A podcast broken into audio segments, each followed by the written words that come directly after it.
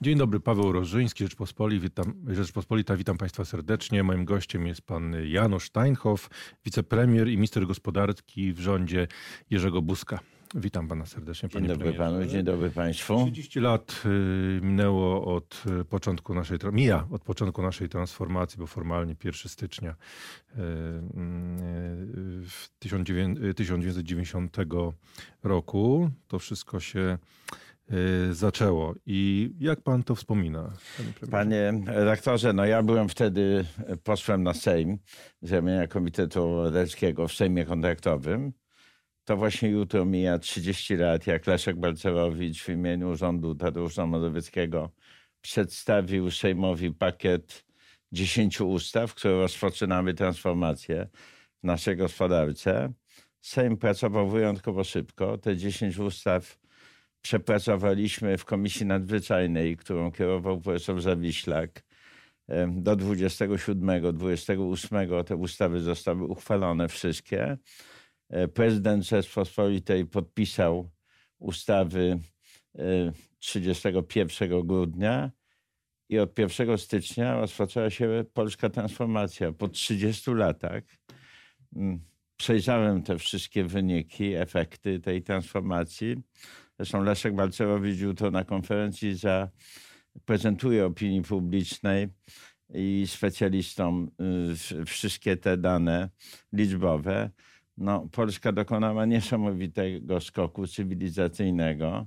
I muszę powiedzieć, że jako jeden z ludzi, którzy pracowali nad tymi ustawami w parlamencie wówczas, no jestem dumny, że udało nam się e, w ciągu 30 lat całkowicie przebudować polską gospodarkę. Polska jest w dalszym ciągu na czele krajów, które przechodziły podobnie jak my transformację nasz wzrost PKB jest nieporównywalny ze wzrostem wielu innych krajów Europy Środkowej i Wschodniej. Właśnie, mówimy teraz o makroekonomii, ale pytanie, czy udało nam się dokonać transformacji branży energetycznej, górnictwa, przygotować się do właśnie do tego, co, co teraz jest bardzo mocno eksponowane, czyli zmian klimatycznych. Mieliśmy mm, właśnie mm, szczyt y, klimatyczny w Madrycie i tutaj y, no, nie wiem czy to nazwać wetem, ale na pewno y, usłyszeliśmy polskie nie ze, ze, strony pana premiera Morawieckiego. Jak pan to w ogóle tłumaczy? Y, ten brak chęci brania udziału w Zielonym Ładzie. Czy to jest, y, czy to jest bardziej zagrywka negocjacyjna, czy po prostu... Może panu powiedzieć tak, e, panie redaktorze, mówi pan o transformacji w elektroenergetyce, czy w energetyce szeroko rozumianej.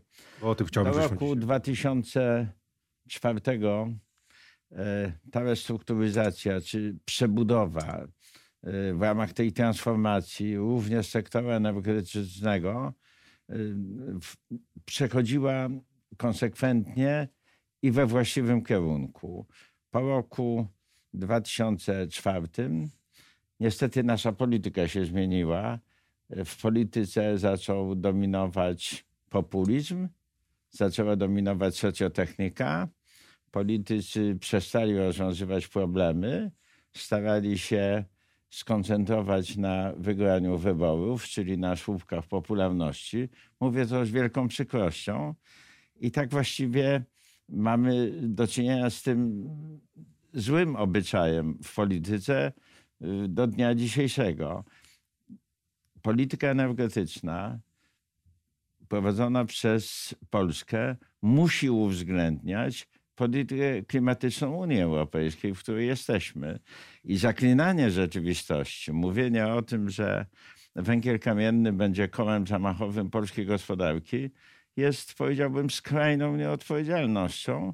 Jest efektem dominacji tej socjotechniki i populizmu nad rzetelną dyskusją o polskiej gospodarce. Ja niestety sytuację, która, z którą mamy do czynienia po E, ostatnim szczycie Unii Europejskiej odbieram również e, bardzo negatywnie. Oceniam e, negatywnie tę sytuację dlatego, że przekaz do opinii publicznej z ust pana premiera Morawieckiego jest zupełnie że tak powiem, nieadekwatny do skali tego problemu i nieadekwatny do tego, co stało się na szczycie i jaka jest polityka Unii Europejskiej.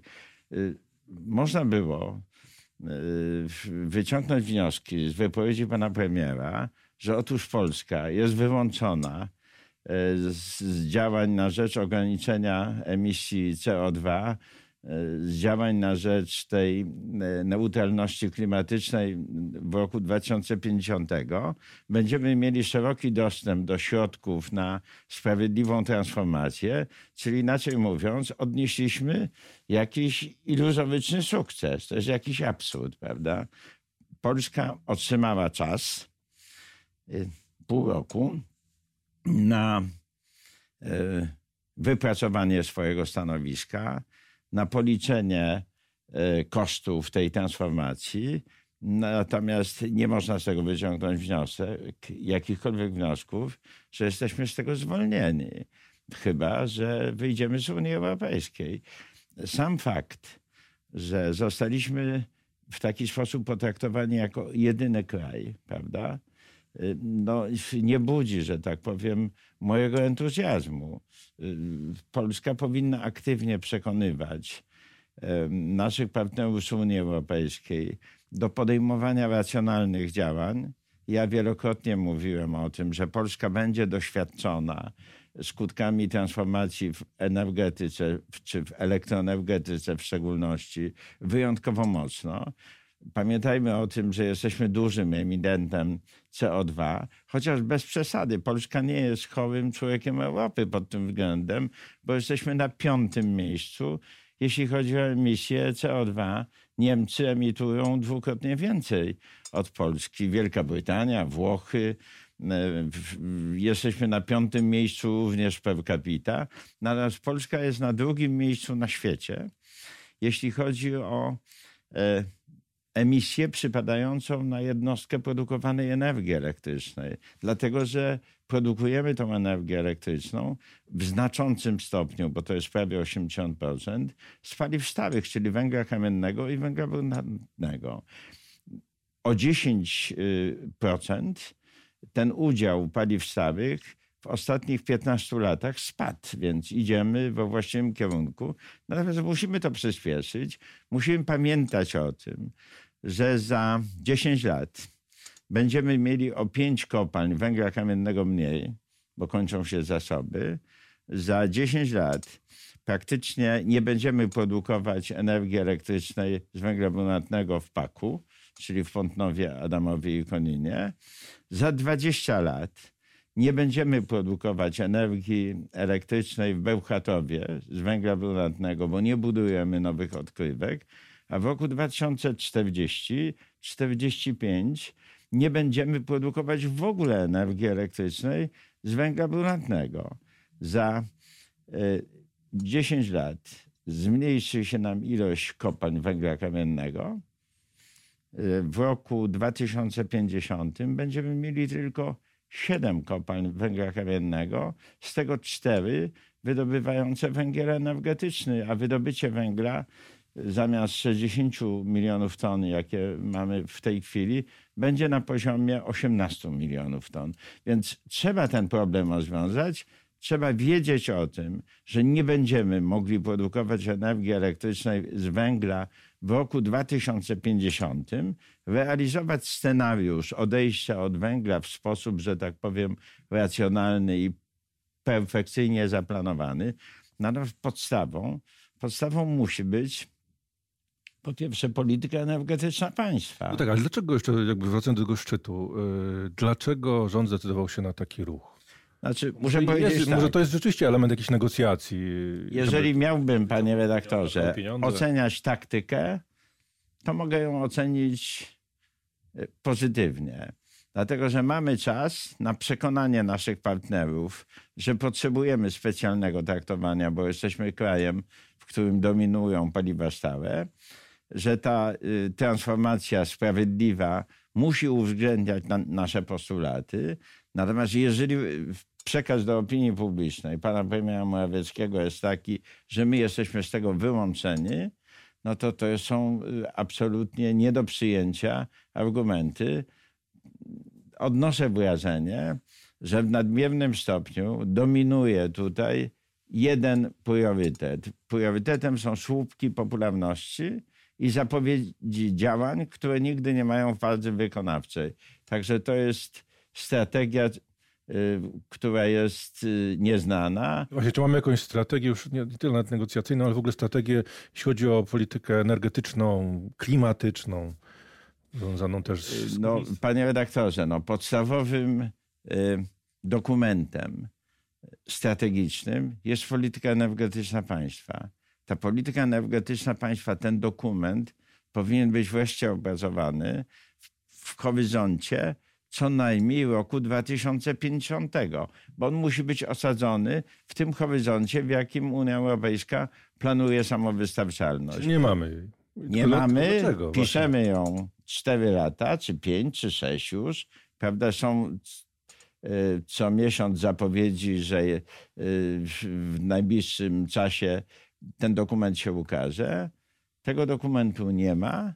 On powinien być jak najszybciej opracowany. Mało tego, powinien być przyjęty przez parlament ponad podziałami politycznymi. To jest dokument o bardzo znaczącym znaczeniu w ramach polityki Ale, ale gospodarczej dlaczego tak się dzieje? Czy my po prostu nie wiemy, dokąd y, chcemy zmierzać, czy po prostu rząd Ja to boi określam- się ja to y, określam- wokół tego? Ja to określam, panie redaktorze, że to jest brak odpowiedzialności za państwo. To jest dominacja tej socjotechniki i populizmu. Górnikom trzeba powiedzieć uczciwie, że perspektywy węgla kamiennego są takie, a nie inne, że będziemy raczej zwijać tą branżę niż ją rozbudowywać. Nie możemy zaklinać rzeczywistości. Prawdzie trzeba spojrzeć w oczy. I odpowiedzialność za państwo wymaga rzetelnej, merytorycznej dyskusji, wolnej od tego populizmu i namiętności politycznej. Kto pana zdaniem, panie premierze, w tej chwili w ogóle odpowiada w Polsce en- energetykę? Na kogo można zwrócić W tej odpowiedzialność? chwili? Tak. W tej chwili nie wiem i myślę, że pan premier y, również nie wie, ponieważ co prawda ukazało się rozporządzenie atrybucyjne, natomiast nie zmieniono ustawy o działach i muszę powiedzieć, że mamy do czynienia z sytuacją, którą y, krytykowałem przez ostatnie cztery lata, w którym pomieszano funkcje regulacyjne z funkcjami właścicielskimi. Minister zasobów y, państwowych przynajmniej tak wynika z informacji prasowych, ale jeszcze raz podkreślam, nie jest to osadzone w realiach prawnych, bo ustawa o zmianie ustawy o działach administracji państwowej w dalszym ciągu nie została uchwalona, czyli energetyką będzie zajmował się minister y, zasobów y, państwowych, Czyli pan czyli będzie równocześnie regulatorem, jak i właścicielem, będzie nadzorował Wyższy Urząd Górniczy, czyli mamy do czynienia z totalnym bałaganem w prawie, y, które reguluje funkcjonowanie administracji państwowej i rządu. Y, Powołano ministra środowiska, który praktycznie nie ma jakichkolwiek kompetencji, ma dopiero określić, jak przeczytałem w rozporządzeniu atrybucyjnym, co on będzie robił, jaki będzie miał zakres kompetencji. Jest minister klimatu. Tych ministerstw jest dużo więcej niż kiedyś, natomiast mamy do czynienia z totalnym bałaganem i mamy do czynienia przede wszystkim z nieokreślonymi kompetencjami, odpowiedzialnością za niektóre działy. Także y, priorytetem dla rządu powinno być opracowanie polityki energetycznej państwa. No my musimy wreszcie postanowić, czy będziemy budować energetykę jądrową, czy nie, czy postawimy na energetykę prosumencką, odnawialne źródła energii i tak dalej. Musimy się tego trzymać, przecież błędy popełnione w polityce energetycznej polegające na tym, że poprzez regulacje zatrzymano inwestycje w energetyce wiatrowej. Mieliśmy przyrost w poprzednich latach na poziomie kilkuset megawatów rocznie i potem ten przyrost spadł do kilku megawatów rocznie. Ale można mieć wrażenie, że rząd PiS y, trochę się przeprosił z energetyką. Właśnie E, I ja właśnie to widzę, tylko że straciliśmy trochę czasu. Teraz mamy do czynienia z dobrą sytuacją w fotowoltaice, bo przyrost tych mocy, szczególnie e, u prosumentów, jest dość duży, bo uruchomiono e, dość e, atrakcyjny mechanizm wsparcia. Natomiast tutaj zdecydowanie no musimy iść w tym kierunku. Proszę zwrócić uwagę, że przedsiębiorcy zaczynają sami myśleć o zapewnieniu sobie energii elektrycznej z własnych źródeł po stabilnej cenie. Właśnie, bo te ceny są teraz... W Polsce, panie redaktorze, mamy najwyższe ceny hurtowe energii elektrycznej w Europie. To, Z czego to się bierze właśnie? to rzutuje na mm, konkurencyjność naszego przemysłu, z czego się to bierze? No, z miksu energetycznego, czyli inaczej mówiąc, ze struktury tego miksu, czyli z bardzo dużej, e, e, dużej ilości w- bloków w podsektorze wytwarzania pracujących na paliwach stałych, dużej emisyjności. Jeżeli weźmiemy pod uwagę, że e, koszt praw do emisji CO2 wzrósł z 5 euro za tonę do 25 euro, no to ma pan odpowiedź, o ile wzrosła megawattogodzina w produkcji, ponieważ emitujemy około 850 kg dwutlenku węgla na jedną megawattogodzinę produkowaną. Czyli inaczej mówiąc, do kosztu jednej megawattogodziny musimy doliczyć około 100 zł opłat środowiskowych. Po drugie, ceny węgla, czyli niekonkurencyjny rynek węgla, y, ceny węgla w Polsce wyższe od cen węgla w Amsterdamie, Rotterdamie i Antwerpii, czyli koszty paliwa. A z czego to się bierze? Czy to nie jest tak troszkę, że y, te ceny są zawyżane? Bo słyszałem o takiej teorii spiskowej, żeby no, troszeczkę ukryć te... Powiedziałbym tak, koszty wydobycia w polskich kopalniach są dość wysokie, bo jest niska wydajność pracy. Mówię przede wszystkim o kopalniach górnośląskich. Jakiejkolwiek motywacji do redukcji kosztów wydobycia w ostatnich latach nie było. E, Zaklinano tą rzeczywistość, tak jak powiedziałem, tutaj trzeba było przede wszystkim e, w, w zamyśle, aby zredukować koszty wydobycia, jedynym sposobem, bez zmiany warunków górniczo-geologicznych, bo na to nie mamy wpływu, jest, panie redaktorze, no, zmiana organizacji pracy, czyli inaczej mówiąc, praca kopalń przez y, pięć dni, 6 dni w tygodniu zamiast 5 dni w tygodniu, po to, aby obniżyć udział y, kosztów stałych w kosztach No właśnie, ale, bo pan, panie premierze... Natomiast nam spadła wydajność pracy w ostatnim e, e, czasie. Niewiele, ale spadła. Po raz pierwszy chyba od kilkudziesięciu lat, bo zawsze rosła. Wzrosło zatrudnienie i spadło wydobycie. No tak, ale rozumiem, że jakoś w kopalni w tej chwili funkcjonują dzięki dosyć wysokim cenom węgla, zwłaszcza na rynku polskim. Jak pan, jak pan widzi w ogóle dalszy rozwój sytuacji? Czy pan jako autor największej reformy y, górniczej, y, podczas której jednak sporo kopalń, bodajże 23 z tego co pamiętam, zamknięto i wiele osób odeszło z, z branży. Co pan by teraz radził? Czy dopuszczał pan możliwość w tej chwili zamknięcia kolejnych kopalń? Czy należy zamknąć kolejne Panie kopalnie? redaktorze, o tym, czy kopalnię trzeba zamknąć, czy nie, decydują dwa czynniki: geologia i ekonomia. Nie można kopalni oceniać w perspektywie jednego roku, tylko w perspektywie dłuższej, prawda? Kopalnia czasem ma e, tak zwane siodło, jeśli chodzi o zyski, ale potem wychodzi na prostą i ma dobre wyniki. Tutaj musi być dobre zarządzanie, tu musi być konkurencja. Tutaj trzeba odejść od y, tej maniery, z którą mamy do czynienia przez ostatnie 4 lata, ręcznego sterowania zarówno górnictwem, jak i elektroenergetyką, mamy do czynienia z sytuacją, w której zaklinamy cały czas rzeczywistość, uprawiamy propagandę sukcesu. Gdy słyszę wypowiedzi pana prezydenta, że nie pozwoli zamordować górnictwa w czasie barbówki, no to odnoszę wrażenie, że jest to y, lekceważenie tych ludzi, brak szacunku dla tych ludzi ciężkiej pracy. Ale barburka którzy minęła. Czy Są w górnictwie. można teraz szczerze powiedzieć, ile tych kopalń Panie redaktorze, im trzeba mówić prawdę.